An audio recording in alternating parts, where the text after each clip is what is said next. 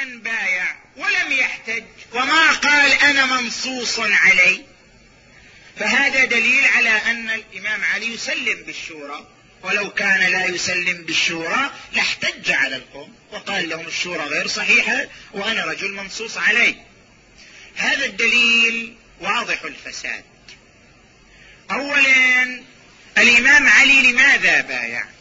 هل بايع الأول لأنه يرى الأول أحق بالخلافة أو بايع الأول لأنه يرى أن الأمر شورى وإنما بايع الأول حفظا للإسلام وحفظا لبقاء الإسلام. تصور أن الإمام علي لو ما بايع تصور أن الإمام علي لو لم يبايع الأول وبقي مصرا. أما كان يحدث اختلاف في الأمة؟ أما كانت تحدث فتنة بين الأمة؟ أما كان الإسلام يتعثر في مسيرته؟ اما كان الإسلام يست...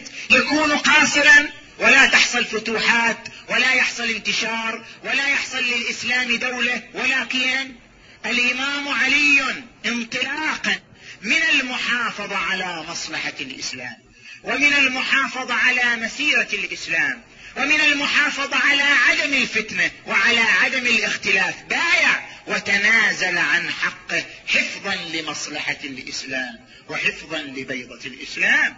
ولذلك يقول في نهج البلاغة لأسلمن ما سلمت أمور المسلمين. ما دام أمور المسلمين سالمة أنا أسلم. أتنازل عن حقي. المهم أمور المسلمين سالمة. المهم الإسلام يسلم ويبقى. أنا أسلم. لأسلمن ما سلمت أمور